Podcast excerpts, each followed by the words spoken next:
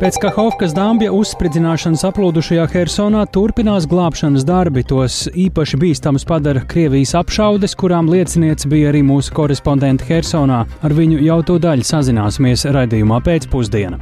Itālijas politikā vesela laikmeta beigas. Mūžībā šodien devies Silvio Berlusconi, viens no spilgtākajiem un pretrunīgākajiem Itālijas valdības vadītājiem pēdējo desmitgažu laikā. Un turpinām sakot dobelē no vīra vardarbības cietušās sievietes lietai tajā jauns pavērsiens. Par to visu plašāk tūdaļ ziņu raidījumā pēcpusdiena kopā ar mani Tāli Eipuru.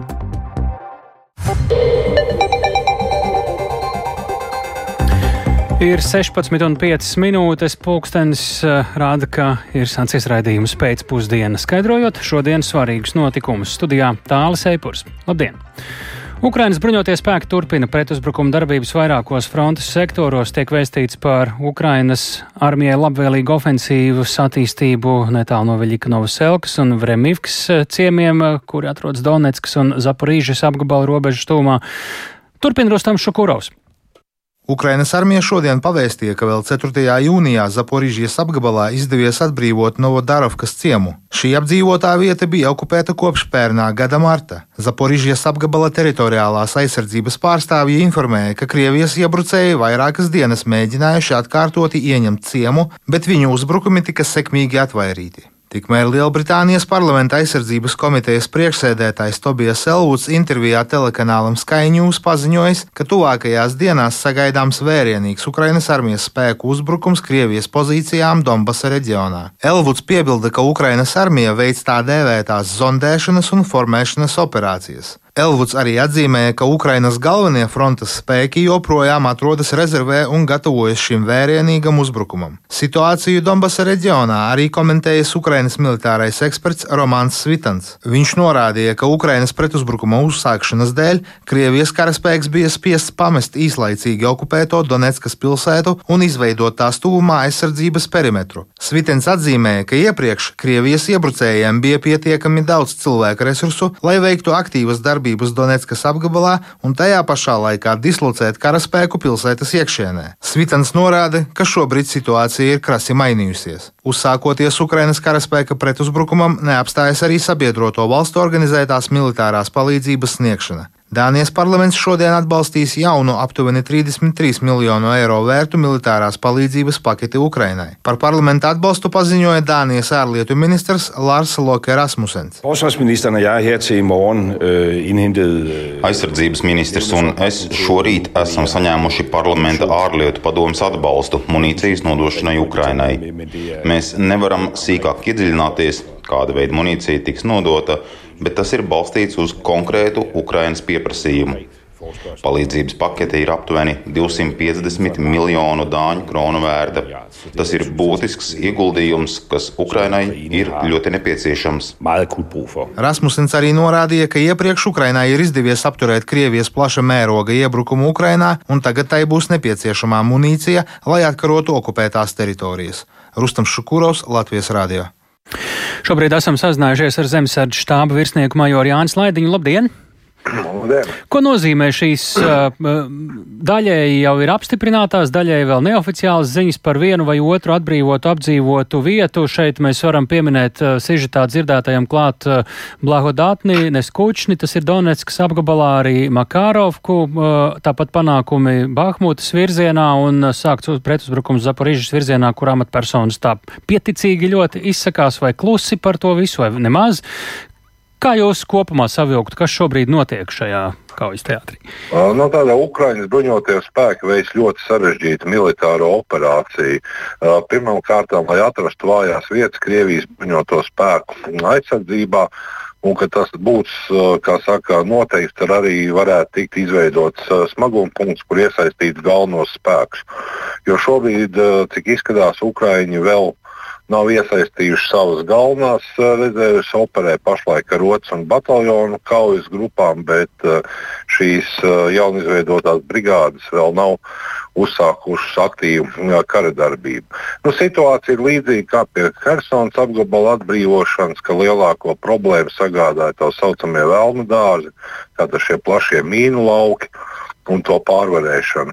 Nu, jācer, ka Ukraiņi tiklīdz uh, izdarīs šo, pārvarēs šos mīnu laukus, tad uzbrukumam ir jātīstās. Lai gan Krievijas fronte dziļumā ir vismaz uh, 100 km, jā, un tas, protams, pāraut šādu dziļi ešalonēto aizsardzību nav viegls uzdevums.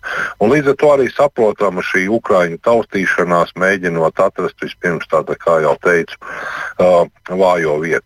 Protams, priecāties vēl ir ātri, jāņem vērā, ka Krievi nekaro ar smadzenēm, kā tas ir pierādījies iepriekš, bet ar masu un iespējams no viņa puses būs gaidāms atgūt par katru cenu zaudētās teritorijas.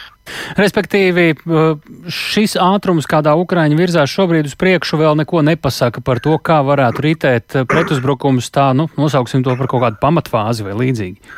Jā, nu, Ukrāņu uzbrukums iet, bet tie ir taktiski panākumi. Vēl pašlaik mēs nevaram runāt par operacionāla līmeņa panākumiem. Un jāņem vērā tas, ka arī notiek karš informatīvajā telpā. Arī Krievi uz to ja mēs redzam, ka Ukrāņi klusē pašlaik, ja viņi ļoti minimāli dod informāciju par saviem panākumiem. Tas, protams, ir pareizi. Bet to izmanto Krievijas puse un, protams, plaši pasniedz šo kauju kā milzīgu Krievijas bruņoto spēku. Jā, pa, pats, pacīnīsimies nedaudz šajā info karā. Šobrīd nu, ir Krievi izplatījuši kadrus ar satriektu Ukrainas tehniku. Sociālajie tīkli, protams, meklē, kur tur ir varbūt vai kāda viltojuma, vai arī cik reižu viena un tā pati vieta ir parādīta kā daudzas dažādas vietas. Kā uztvert šos video, foto un ziņas no frontes no Krievijas? Tā tad, nu, Krievu, Krievu rietumu plašsaziņas līdzekļi diemžēl uzraujas uz šo Krievu propagandu un ir tā saucamie šie uh, noderīgie muļķi, ja, kas to virza un pasniedz to. Un, protams, daudziem rietumu politiķiem uzreiz uh, rodas jautājums, kā tad ir ar visām rietumu ieroču piegādēm, ja, un kā tas notiek, kāpēc uzbrukums iet tik lēni uz priekšu. Ja. Uh, tā diemžēl ir jā, Krievijas viena no spēcīgākām pusēm šis informatīvais karš un ir pietiekami daudz kā saka, ietekmes aģenti, kuri propagandē šo. Bet ot, no otras puses ir izgāzies pilnīgi Krievijas aizsardzības ministrs Sergejs Šoigu, kurš visas pasaules priekšā stāstīja par iznīcinātiem tankiem, bet, kā redzams no video, tie bija kombaini Džons Dīrs, jā, un uh, nav nekāda sakara ar iznīcināto Krievu tehniku. Tā kā redzam, ka Krievu propaganda pat netiek līdz saviem meliem, jā, viņi bieži vien rāda nepārbaudot nekādus faktus. Kā jūs redzat, cik ilgi šāda Ukraiņu taustīšanās eh, pavisam īsi vēl varētu notikt eh, taktiskā, un kad varētu būt kaut kādas masveidīgākas akcijas un varbūt Jā. arī straujāk virzības priekšu? Jāatrod vājā vieta un jāpārvar ir pirmā līnija. Bet, kā jau teicu, traucē šie milzīgie mīnu lauku un dziļiešana tā Krievijas aizsardzība. Kad tas notiks, tad arī tas notiks. Tāda ir atbilde. Tāda notiks, jā. jā. Paldies par sarunu. Tā Jānis Slaidiņš, zemesardžu štāba virsnieks, majors pie mūsu klausulas. Bet uh, citā Ukrainas pusē uh, arī smaga situācija pēc Kahovkas dambja uzspridzināšanas izraisītiem plūdiem. Šobrīd ļoti smaga un sarežģīta situācija joprojām ir Hersonā un tās apkārtnē. Tur aplūdusi daļa pilsētas un desmitiem apdzīvotu ciematu. Par to, kāda situācija tur šobrīd ir, mēs esam sazinājušies ar Latvijas radio korespondenti Ukrainā Indru Sprānci. Sveiki, Indra! Kur tu šobrīd esi un uh, esi bijusi, acīm redzot, pēdējās kādas diennakts laikā? Labdien, jā, esmu Hersonā un uh, situācija šeit joprojām patiešām ir uh, ļoti sarežģīta, lai arī ūdens līmenis uh, vietām ļoti, ļoti strauji krītās pat par uh, vairāk nekā metru dienā. Tas joprojām ir augsts un uh, daļai aplūdus ir uh, joprojām gan Hersona. Uh, gan eh, vēl vairāk nekā 40 apdzīvotas vietas. Un eh, šodien kopā ar brīvprātīgiem no organizācijas, kas nodarbojas ar dzīvnieku glābšanu, mēs šodien devāmies uz Ukraiņu kontrolē esošu saulu, tepat Hersonas vidienē pāri Ņeprai, bet, diemžēl, jau esot uz salas, nu, aplūdušās salas, tur nav tā, ka tur vispār var stāvēt. Mēs bijām uz jumtiem uzkāpuši, lai, lai mm, savākt vairākus suņus. Un tajā brīdī mēs piedzīvojām artilērijas uzbrukumu. Un, un sanāca tā, ka mums pašiem nācās slēpties un arī pārtraukt šo dzīvnieku glābšanu. Bet viss beidzās labi, cieta pavisam viegli, tikai viens brīvprātīgais no Vācijas, kas guva vieglas ievainojums no šķembas. Citādi visi sveiki un veseli, un arī dzīvnieki mums izdevās izvest ārā. Nu, lūk, šādos apstākļos katru dienu šeit strādā brīvprātīgie, kas evakuē gan cilvēkus, gan arī dzīvniekus, un, un tā situācija īpaši nemainās. Mēs zinām, iepriekšējās dienās arī šauts arī par, par, par laivām, kuras bija pilnas ar cilvēkiem. Un, Un tie, kuri, kuriem izdodas tikt šajā krastā, viņi, viņi visi dodas uz patvērtnēm.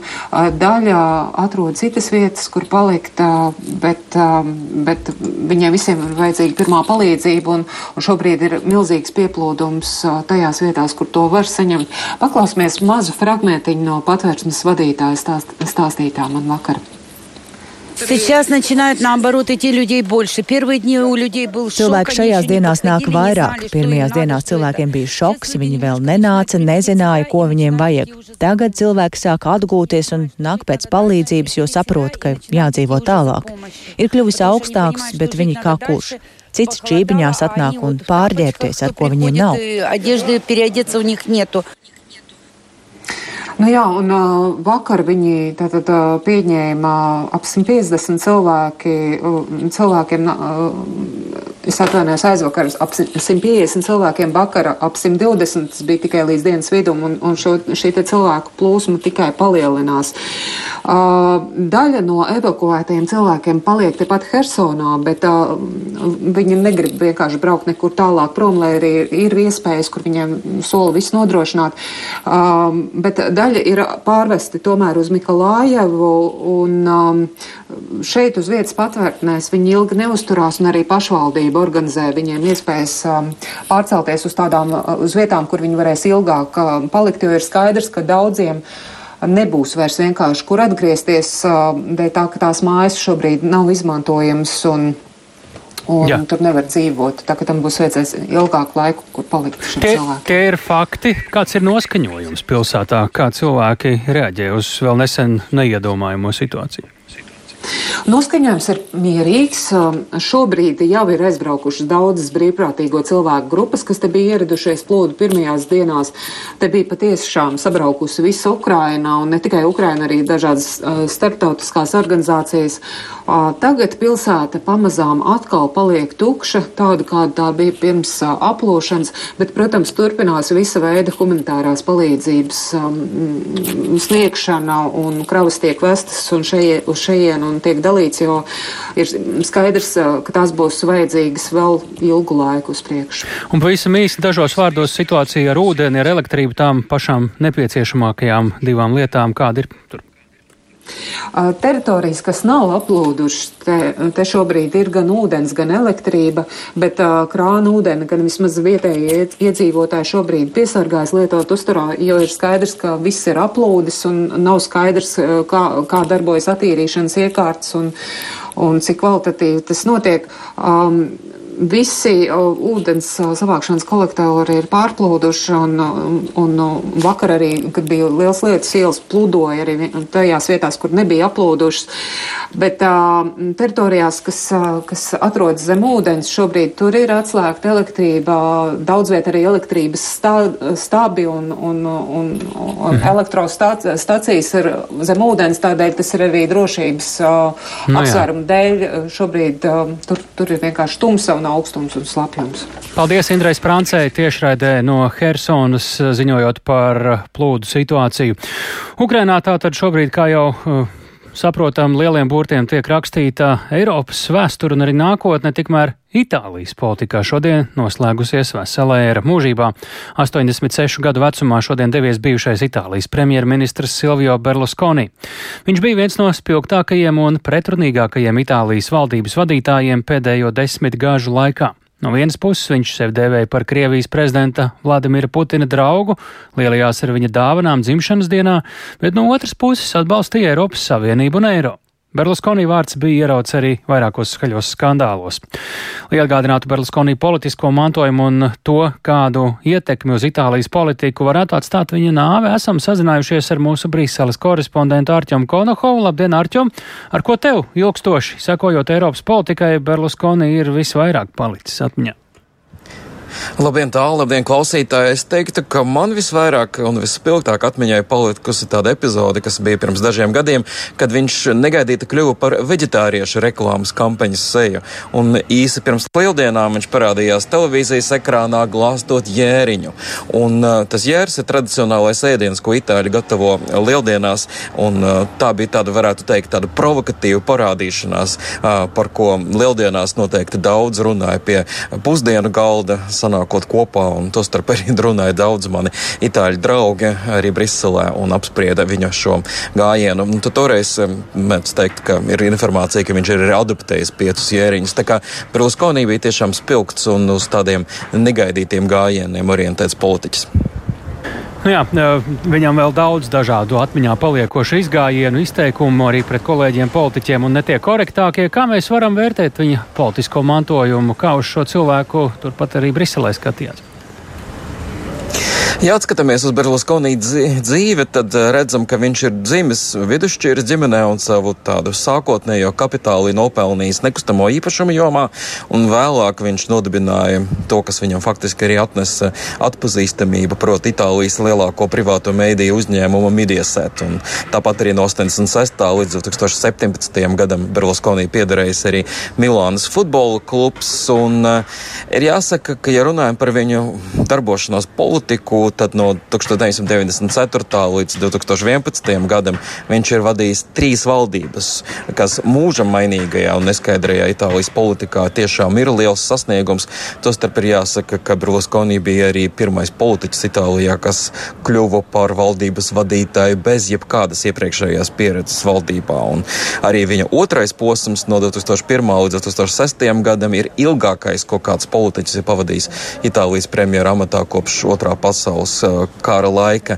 Nu, jāsaka, ka, jā, protams, tad, kad viņam bija jādodas prom pēc sava trešā premjerēšanas posma, ir arī tāds uzskats, jā, ka to, tas notika finanšu krīzes laikā. Itālija bija ļoti smagā situācijā, un mēdz teikt, ka viņa aiziešana esot sekmējusi toreizējā Vācijas kanclere Angela Merkele. Tomēr, nu, ja runājam mm, tā detaļās, tad tomēr ir skaidrs, ka viss ir sarežģītāk, un uh, viņš bijis spiests aiziet no amata nevis tāpēc, ka tikai Merkele būtu bijusi pie tā vainīga, bet arī tur bija tiešām daudz dažādu iemeslu, kas to ir sekmējušas. Un, bet 17. gadā viņš ir atkal atgriezies politikā un arī faktiski ir palicis aktīvs politikā līdz pat pēdējām dienām. Vēl nesen mēdīja rakstīja, ka viņu gadrīz vai ar varu turēs slimnīcā, lai viņš nenāk uz politisko, politisko kongresu savas partijas. Tālāk. Mm, jā, Arčom, nu, Itālijas politika ir nākamais jautājums. Kas tur notiek pēc Berluskoni aiziešanas mūžībā, jo viņam tur vēl līdz pat pēdējiem brīdim, vai viņa politiskiem spēkam bija un ir varbūt pat vēl pietiekami liela ietekme?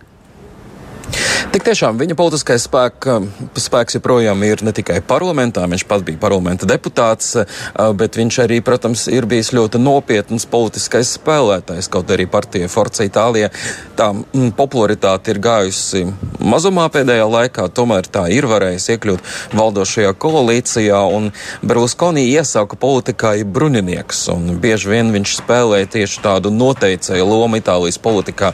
Viņam bija svarīgi būt tam cilvēkam, kurš nosaka, kurš būs pa premjeru un kurš nebūs. Un, uh, tagad uh, šī valdība, ko vada Itālijas brāļu priekšsēdētāja Džordžija Meloni, uh, protams, arī tur viņam bija ļoti būtiski noteikt, uh, kas ir un kas uh, nav uh, pie varas un kādos amatos, un ap to bija diezgan daudz skandālu ar, ar, ar premjerministru, kad valdība tika veidota.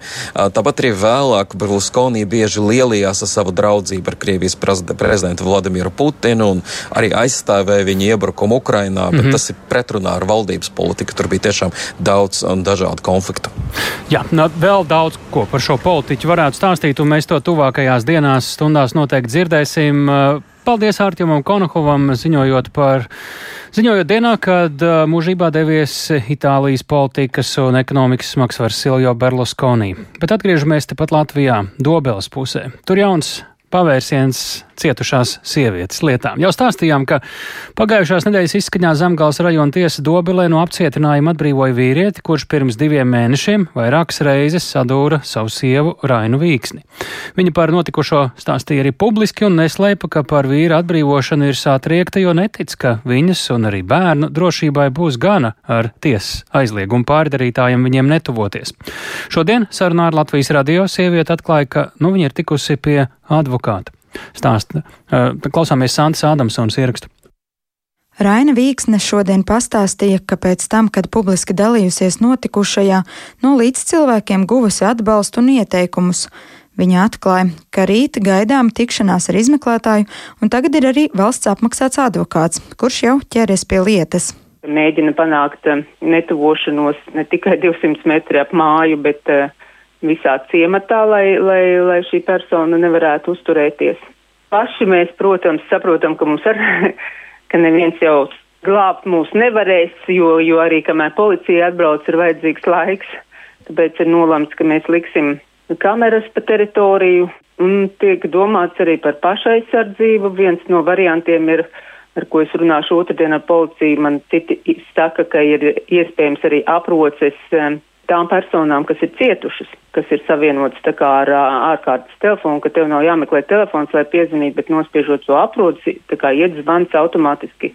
Bet vai tas tiešām tā ir, to es mēģināšu rīt noskaidrot. Latvijas radio sazinājās arī ar sievietes advokātu Jāni Ernstsonu, kurš telefons sarunā sacīja, ka darbs noris, taču pagaidām sīkāk neko nekomentēs. Raina Vīksne vēl pieminēja, ka aizvadītajās dienās savā apkaimē novērojusi biežāk klāt esam kārtības sargus. Šo lietu komentē arī valsts policijas Zemgals reģiona pārvaldes rietum Zemgals iecirkņa inspektore Evija Kārkliņa. Nu, joprojām turpinās pirmstiesas izmeklēšana, jo 13. jūlijā tikai ir pieteikta tiesa psihiatriskā ekspertīze, pēc kuras atzinuma saņemšanas tiks arī lēmts par uh, kriminālu procesu tālāko virzību kriminālu uh, vajāšanas uzsākšanai uz prokuratūru. Policija šobrīd no savas puses ir uh, veikusi pastiprinātu kontroli cietušās divas vietas apkārtnē. Bet, nu, turpmāk vairāk būs tā koncentrēšanās uz drošības līdzekļu nosacījumu ievērošanu no, no aizdomās turētā puses. Policijā līdz šim nav signāla, ka vīrietis būtu pārkāpis aizliegumu tuvoties. Vaicājot par kādām citām atbalsta iespējām, cietusī pieminēja, ka esot vērsusies arī krīzes centrā Marta. Viņi bija gatavi mums sniegt juridisko palīdzību, bet, kad uzzināja, ka uh, mēs jau visu esam izdarījuši, it kā teorētiski to, ko mēs varējām jau pirms tam izdarīt, ka mums ir jau panāktas par, par netuvošanos un kad ir šķiršanās process, tad viņi teica, nu, tad jau jūs visi esat izdarījuši. Tad, nu. Tikmēr centra Mārta vadītāja Iluta Lāce par šādiem un līdzīgiem gadījumiem teica, ka pats svarīgākais, lai līdzās ir jurists. Atbilstošais speciālists var palīdzēt konkrētajā procesā skatīties, izvērtēt ko vēl var darīt un kā vēl var cietusī iestāties par savām tiesībām. Tāpat arī noteikti var vērsties centrā Mārta, jo centrā Mārta mums ir um, ne tikai juristi, bet mums ir arī sociālais darbinieks un psihologi. Lūdzot sniegt komentāru arī par slepkavības mēģinājumu aizdomās turētās personas advokātam Jurijs Kresnabokijs to atteica. Jāpiemina, ka iepriekš Zemgals rajona tiesā Dobelē Latvijas radio norādīja, ka Rainas vīrs atbrīvots, jo nav konstatēts viņa bēgšanas risks, esot pārliecība, ka persona netraucēs izmeklēšanu, kā arī personai nav noziedzīga novirze. Santādamsona, Latvijas radio. Pie mūsu klausulas arī šo ierakstu klausies un cita informācija līdz sekojas krīžu centra kalbas vadītājs Raivo Vilcāns. Labdien! Labdien. Šeit ir virkni lietu, par kurām ir jautājumi, vai iestādes visu dara tā, lai cietusī būtu drošībā un viņas bērni. Kāda šajā lietā ir jūsu galvenie secinājumi vai novērojumi par iestāžu darbu īsumā? Jā. Uh, pirmkārt, ir, mums ir ierobežota spējas komentēt, uh, kas ir noticis, jo mums ir īsi viedokļi no policijas, tiesas un cietušās. Tas nozīmē, ka mēs ar piesardzību varam uzdot jautājumus, bet kaut kādas konstatācijas izvērst nevaram. Uh, pirmkārt, kas tika minēts, ir tas, ka par vardarbības veicēju izlaišanu neziņoja tiesības sargājušās iestādes. Un šeit ir svarīgi piebilst, ka cietušiem ir tiesības zināt par potenciālo apdraudējumu, tostarp tiesas pieņemto lēmumu par izlaišanu. Cietušiem būtu jābūt tādām tiesībām. Un it īpaši tas ir jāpaziņo informatoram, kas ir pareizi un pilnvērtīgi apmācīts, lai šo informāciju sniegtu. Uh, nākamais aspekts, kas uh, parādās, ir cietusī jūtas spiesta vērsties mēdījos, kas ir trauksmes signāls zināmā mērā vardarbības novēršanas sistēmai, jo šādi gadījumi nav pirmo reizi. Proti, ir jāuzdod jautājums, kā mēs varam sniegt informāciju, atbalstīt cietušo veidā, kas neliek justies vērsties mēdījos. Uh, jo šādas situācijas raisa tagadnē un nākotnē neusticību kopējai sistēmai. Tieši tādēļ Skalps iestājās par vienoto cietušo tīklu, kas sevī ietver to, ka tiks uh, būtu sakārtots iestāžu darbs, lai nodrošinātu esošā un potenciālā cietušā aizsardzību, drošību un labsajūtu. Uh, vēl kas tika minēts, ir par uh, tiesas pieņemto lēmumu pārtraukt apcietinājumu. Tiesai tam var būt dažādi pamatojumi, to mēs ne analizēt nevaram, bet uh, galvenais jautājums ir tajā, kā tiks nodrošināta cietušās aizsardzība, jo, diemžēl, pastāv grūtības ar pagaidu aizsardzības kontroli pret vardarbību, it īpaši augstos uh, vardarbības riska gadījumos. Un tieši tādēļ ir vajadzīgi droši risinājumi, kā šos draudus novērst. Tieši tādēļ skalps iestājas par elektronisko novērošanu vardarbības veicējiem, lai policijai būtu tiešsaistē iespēja vērot līdzi uh, iespējamiem vardarbības riskiem un sniegt atbilstošu atbalstu. Jo mums jāsaprot, ka mums nav jāuzkrāj atbildība par sevis aizsardzību cietušo. Tas ir valsts pienākums sniegt maksimālu aizsardzību. Tāpat arī nedrīkst vardarbību vērtēt lietkopus ar citiem noziegumiem, jo tur pastāv atšķirības. Tāpat arī tika minēts par to, ka esot izvērtēta riska atkārtotai vardarbībai. Nav zināms, ar kādām metodēm, Tomēr visiem vardarbības sistēmiem dalībniekiem ir svarīgs jautājums, vai izvērtējums ir efektīvs un zinātnē balstīts, un vai ar šādu izvērtējumu ir pietiekami. Jo policija savā komentārā minēja, ka ekspertīze plānota jūlijā, un vai šīs ekspertīzes atzinuma nēsamība ir pieļaujama pie potenciālā apdraudējuma. Jo, kā minēja policijas pārstāvis, uh, mērķis ir izvērtēt, vai pastāv draudi sabiedrībai. Uh, tālāk, kas ir jāskatās un kas ir galvenais, tiesību sargājušo un profesionāļu galvenais mērķis attiecībā uz cietušo ir novērst reviktimizāciju, jeb šo vienkāršāk izsakoties atkārtot vardarbību. Tieši tādēļ katram no šī gadījuma dalībniekiem ir jāuzdod sev jautājums, vai viss darīts viss tiesiski un praktiski iespējamais, lai šo mērķi sasniegtu un cietušo pasargāt. Un divos, divos, divos vārdos, Jā. vai jūsuprāt ir izdarīts viss, kā, par ko liecina pazīmes? O, kā, kā minēju, šie ir jautājumi, par kuriem var domāt, bet uh, mūsu redzeslokā šīs situācijas nav. Mēs nevaram sniegt komentārus. Tas Labi, ir jautājums, sapratām, jā, jūs teicāt, ka konstatēšana vēl nav iespējama, to tad arī vēlāk. Jā. Jā. Paldies par sarunu, Raivo Vilcāns, Krīžu centra kalbas vadītājs pie redzījuma pēcpusdienu klausulas, ļoti vērtīgi secinājumi īsa apkopojumā. Bet, uh, Turpinot eh, par citiem tematiem, šodien tirzniecībā nonāca vairāki tūkstoši iepriekš rezervēto, bet neizpirkto dziesmu un deju svētku biļešu. Jau pirms pulksten desmitiem no rīta cilvēki rosījās ne tikai internetā, stāvot virtuālajā rindā, bet arī klātienē pie biļešu kasēm. Par to, kā ritēja biļešu iegāde un kura no rindām dzīvā vai virtuālā bija labāka doma, plašākā Gnīs Lāsdiņas ierakstā. Lai gan neizpirkto biļešu skaits bija liels, vēlme tikt pie biļetēm krietni lielāka, un šoreiz veiksmīgāk iegādāties atlikušās dziesmu un deju svētku biļetes izdevās cilvēkiem, kas tās pirka internetā. Pie Latvijas Nacionālā teātra biļešu kases dzīvā rinda veidojās jau pirms pulkstens desmitiem. Veiksmīgi kārotās biļetes uz vairākiem koncertiem, tostarp noslēguma koncertu kopā augšup, nopirka kāda kundze, kas rindā stāvēja pirmā. Pārējiem cilvēkiem rindā atlika vien noskatīties, kā biļetes izpērka internetā un pie vēlamajām biļetēm uz noslēguma koncertiem vai citiem maksas koncertiem viņi netika. Es jau vēlējos nobeiguma koncertu, biļešu parādījās daudz, dažādās cenās pa 40, pa 60, pa 100, un tomēr nevienu no šīm nopirkt neizdevās, jo internets noblokēja. Tātad, ja mēs gribam muļķot cilvēkus, tad mēs viņus joprojām muļķojam. Kasē, ja pārdot, tad tikai kasē. Vai nu, nu šeit limitu piešķir, vai arī bez limita, bet internets nedarbojas. Lūk tā. Man liekas, ka eh, pēdējā dienā varbūt arī nevajadzēja likt eh, caur internetu nopirkt parastās. Nu, tikai atļaut šitām kasēm. Cilvēks stāv rindā, nu, nevar jums, kā saka, pamatot, ko varētu darīt labāk, bet kaut kas tomēr jādara tur. Bet tā rūkuma sajūta tomēr ir uh, tajās nu, kasēs. Lietiņa, ka tais kasēs kaut kā nenodefinē, jo es būtu gatava nākt, piemēram, vakar vakarā un stāvēt, bet man nebija tā cerība liela, ka, nu, ja tas internets vai viņi tais kasēs tur tirgos, vai tur vispār daudz tās biļetes būs, bet, nu, tā garām ejot, jā, izrādās, ka tiešām bija pietiekoši daudz tās biļetes. Nu, ja kaut kāds citādāks princips. Kaut gan, nu, ko es tur daudz par principiem, ja es pārvaldītu internetu, tad jau man būtu viss, ko es vēlos.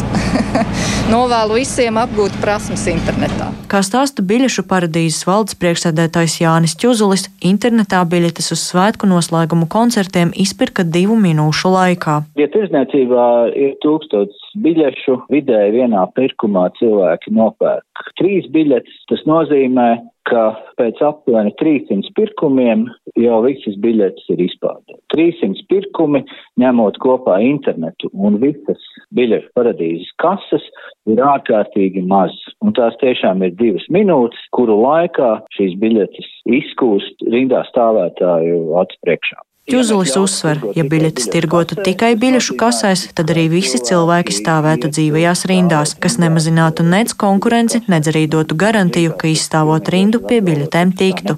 Mēs varam izstrādāt visdažādākos modeļus, sistēmas, ieviest loterēju un darīt sazinu, ko. Tas nenovērsīs to, ka uz noslēguma koncertu gribētāju vienmēr būs vairāk kā to, kas tur var tikt iekšā. Līdz ar to tā problēma šādā veidā nav atrisināta. Un vienmēr būs neapmierināti tie, kuri nav tikuši. Arī dziesmu un deju svētku izpildirektore Daina Markova norāda, ka stāvēšana rindās pa naktīm mūsdienās nav cilvēka cienīga sistēma. Tāpēc koncentrēšanās uz klātienes biļešu pirkšanu netiek prognozēta. Es ļoti labprāt ieteiktu viņiem tiešām iegādāties biļetes uz koncertu tīrums dziesmas ceļš. Tas ir lielā kopkora, liels skaists koncerts ar arī vairākiem jaundarbiem, ar ļoti interesantu scenogrāfiju. Un tādu dziesmu svētku sajūtu un izjūtu šajā koncertā būs iespēja iegūt pār pārējiem. Cilvēki nejutīsies tā, ka viņi nebūtu kaut ko redzējuši vai dzirdējuši, bet būs bijuši daļa no svētku notikuma. Tāpat dziesmu un deju svētku Organizatori atgādina, ka joprojām biļetes var iegādāties arī uz citiem svētku koncertiem un pasākumiem, kas ir tikpat vērtīgi kā noslēguma koncerti. Agnija Lazdiņa,